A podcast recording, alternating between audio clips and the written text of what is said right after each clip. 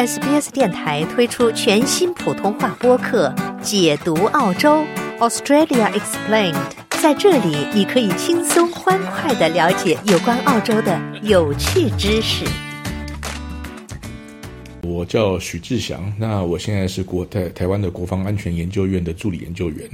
那么，国防安全研究院其实是一个智库，它基本上是台呃中华民国国防部在二零一八年五月的时候成立的。那它的筹备其实花了非常久的时间，大概从二零一零年左右就开始筹备。那在呃蔡英文总统就是开始他任期之后，知道有这个智库的计划，所以加加速推动，因为可以协助国军还。不管是国防部还是国家安全会议，就是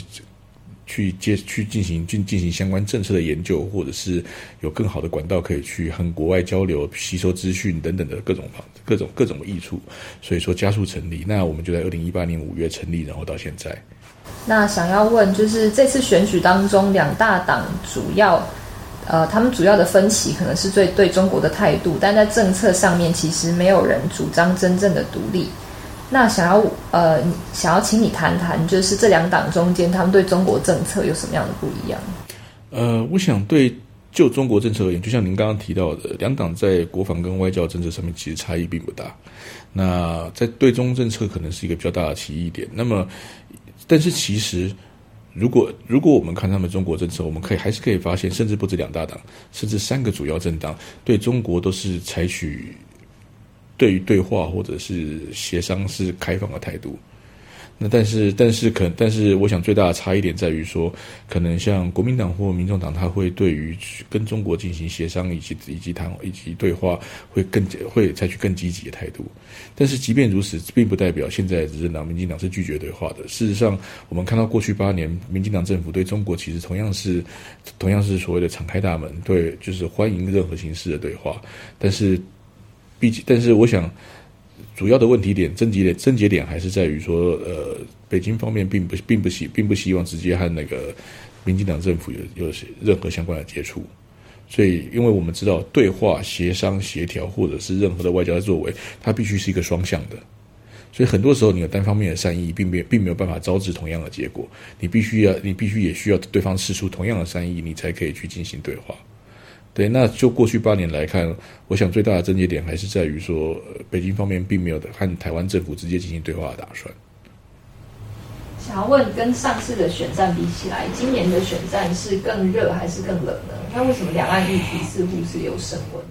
其实，如果我们从它议题的讨论，或者是的，不管是媒体或者是网络的效应来看，我们必须说，今年的选举跟过去比起来，它是相对冷的。对，因为我们知道说，在二零二零年，至少我我是说，直接拿总统大选跟总统大选相比，那如果我们跟二零二零年相比的话，我们可以知道说，毕竟在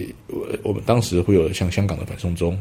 有像那个习近平的告台湾同胞书四十周年的讲话等等的，就是这一类的东西，它其实是很大程度的造成台湾在呃台湾民众在两岸关系甚至全国际秩序上面的很大的危机感。对，当然我们知道说，过去两年其实有包括像乌俄战争，包括像其他地方的很多武装冲突，甚至像去年以色列跟加沙在加沙地区也发生了战争等等的情况。那世界上其实有蛮多不稳定，中国对台也加强了，也也不断的在加强它的军事威吓，就是这种恐吓的作为其实还越来越多。但是，我想对台湾的民众而言。首先，第一点是可能内政问题是这次的关注焦点。其次，就是说以两岸跟国际来说，至少以东亚地区跟印太地区的它的国际结构其实是趋于稳定的。也就是说，美国跟中国竞竞争态势，并不是说，并不是说说哎，美国跟中国方双方并不没有竞争的，而是说。美中竞争的态势已经固定下来，那美国对台湾的支持不断的不断的在增强。那我台湾跟民主的盟国，尤其是在岛链上面的各国，其实它的协调是是逐逐步在增强的。所以从这个来从这个角度来说，整个国际结构的态势是在是是一个不太容易改变的状况之下。那么这样的议题在这次就不是民众的关注焦点。想要问，就是国民党他呃希望能够与北京重启对话，并且他是其实是指控民进党说，民进党的很多动作是在激怒中共的。那你觉得这样的国民党的主张，它是有实质的依据的吗？就是说，真的能够有办法和平的开启对话吗？嗯，就像刚刚提到的，就是开启对话或者是过做任何的外交协调，我想它需要双向的善意。那所以，所以就像刚刚提到的，在过去八年里面，呃，北京方面并没有和民进党政府进行对话的打算，所以从这角度来说，当然不容易进行。那他们可能，那在未来，在未来，我相信共产党还是共产党那个长期以来，共产党会使用所谓的统一战线，台湾哦，就是统一战线，就是一般俗称统战的这种策略。那当然就是，比方说。连接次要的敌人去打击主要的敌人等等的，但是这并不代表说他们会很，就是这并并没有里面就是，所以说，所以说他可能会采他可能会采取对台湾的反对党比较比较友善的态度，但是这并不代表说台湾的那个反对党成为执政党的时候，他还会他还会继续继续的去采取比较友好的态度，这个我们并没有办法做很好的预测。对，那再来就是说，呃。以激怒中国来讲，以激怒中国来讲，不管你在外交或者在国防上面，你有任何作为、任何行动、任何进展，其实对中国而言都是一个挑衅。所以，但是，但是你并不可能放弃这些东西，因为作为国家的主体，我们当然，我们当然会就是国家主体的几个要素，我们当然还是会希望说，尽可能去强化国际上的支持，甚至在外交上面取得突破，得到新的邦交国等等的。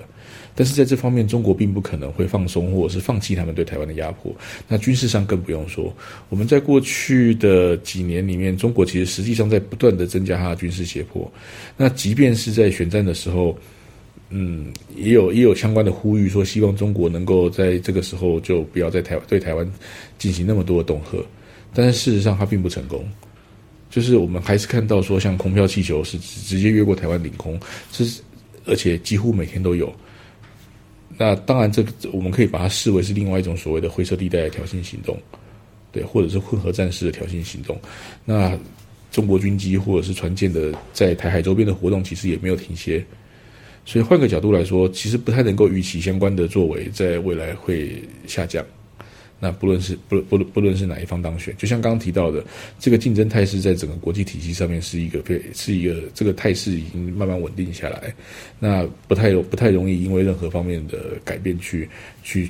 去改变整个结构。现在普遍的说法是说，民进党比起国民党，它是更强调威吓的政策，然后花更多钱在国防的预算上面。那就是依您的经验跟观察，实际上是如此吗？我们可以，我们的确是可以说，在过去的八年里面，民进党政府有非常大的，就是投注非常大的能量在国防政策上面。那我们也知道说，几个主要的武器采购案，比方说从 F 十六战机、F 十六 Block 七零战机，或者像是 M1A Two 主战车，像是 HIMARS 多管火箭等等的这些重要的关键装备，大概都是在蔡英文政蔡蔡英文总统主政的这这八年时期采购的。当然，持平和论，在马总统的时期，台湾也采购过像长弓、阿帕奇等等的非常重要的装备。不过，我们的在军事上面的投资突破，确实是在这八年里面有相当多的成长。那再来就是说，包括恢复一年期的役期，或者像包括像是呃，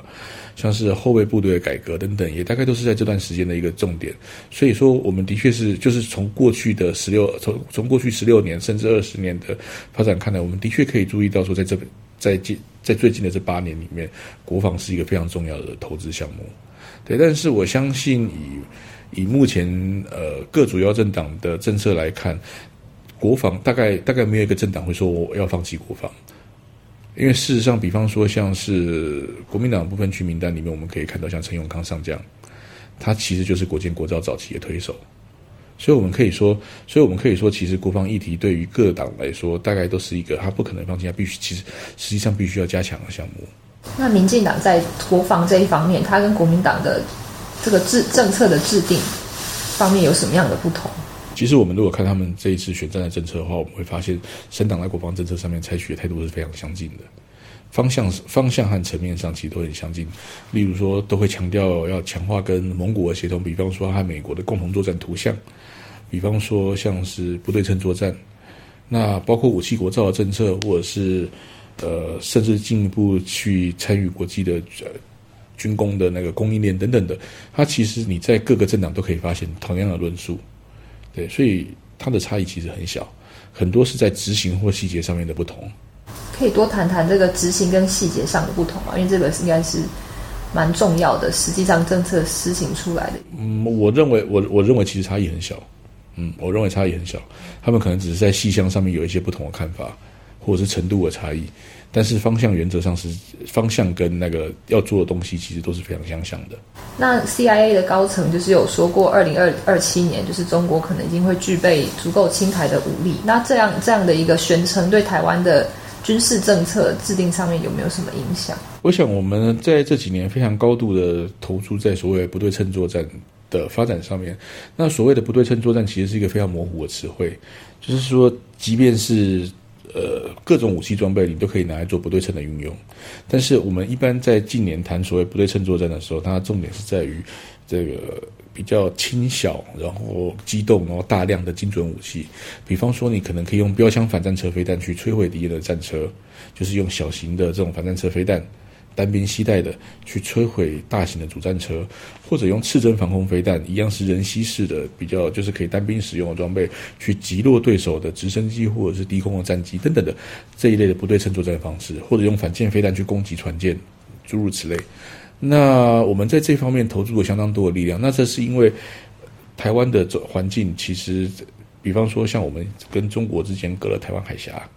那台湾的西部其实高度的城镇化，所以在中国所投射部队过来到台湾的时候，你可以使用这些不对称的装备去非常有效去对抗敌人的入侵。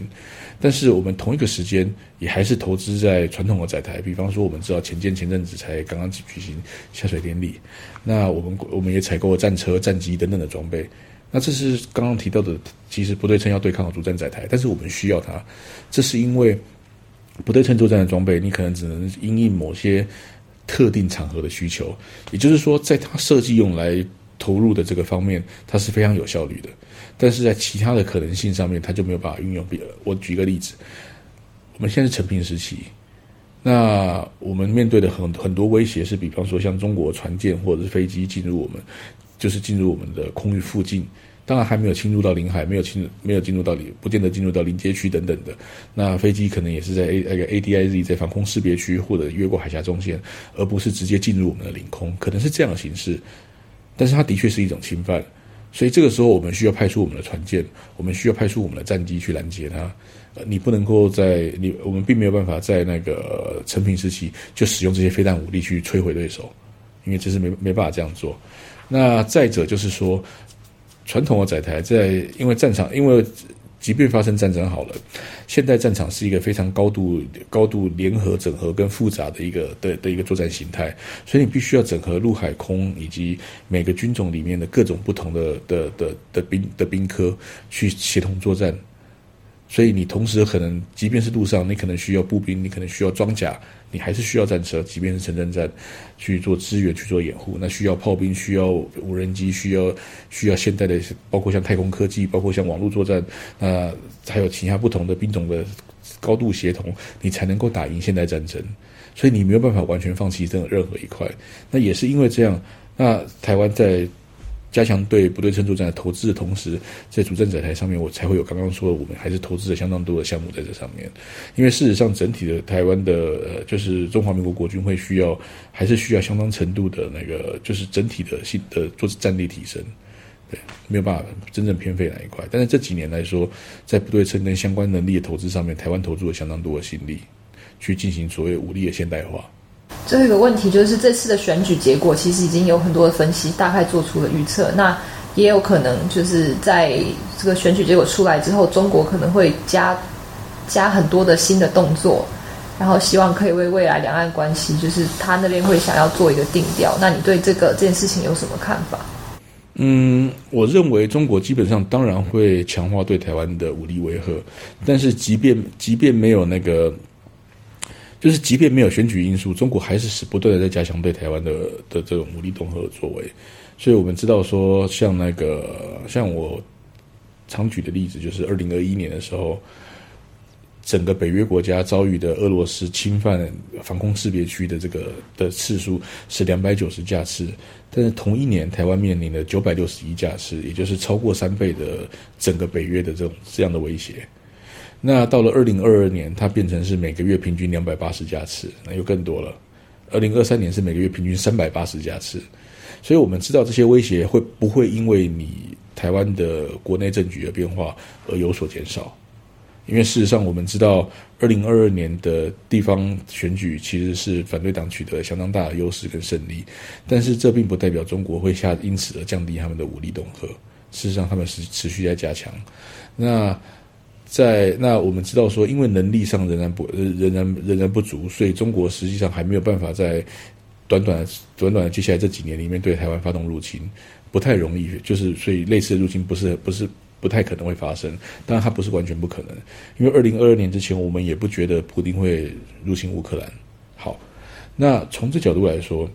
如果一个呃，那呃，题外话是，我们也知道说，习近平应该很明显的了解到他的武装部队的相当一定程度的缺失，这是因为我们可以看到他对火箭军的清洗，或者是或者是一些类似的的作为，应该应该可以相当程度的显现出他了解他一定程度的了解这个问题。那在能力的不足以发动入侵的情况之下，但是他仍然必须对台湾释放强硬的讯息的时候，我们可以预期类似的威吓行动还是会不断的上上升。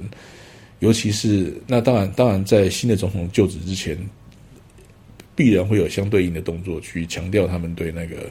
两岸关系的期望。对，但是不代表在总统就职之后东西就一定会减少。事实上，我相信他会不断的在继续增加。你觉得中国为什么会嗯不断的就是加强对台湾的武力的这一方面的侵略的意图？